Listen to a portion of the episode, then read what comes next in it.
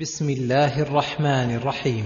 والعصر إن الإنسان لفي خسر إلا الذين آمنوا وعملوا الصالحات. أقسم تعالى بالعصر الذي هو الليل والنهار محل أفعال العباد وأعمالهم أن كل إنسان خاسر والخاسر ضد الرابح والخسار مراتب متعددة متفاوتة.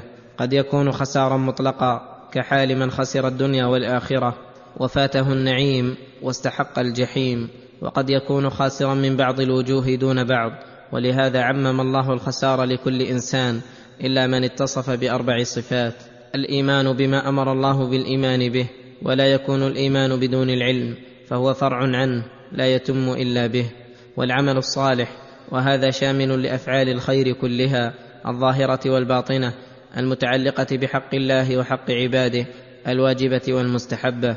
وتواصوا بالحق وتواصوا بالصبر. والتواصي بالحق الذي هو الإيمان والعمل الصالح أن يوصي بعضهم بعضا بذلك ويحثه عليه ويرغبه فيه. والتواصي بالصبر على طاعة الله وعن معصية الله وعلى أقدار الله المؤلمة. فبالأمرين الأولين يكمل الإنسان نفسه وبالأمرين الأخيرين يكمل غيره وبتكميل الأمور الأربعة يكون الإنسان قد سلم من الخسار وفاز بالربح العظيم.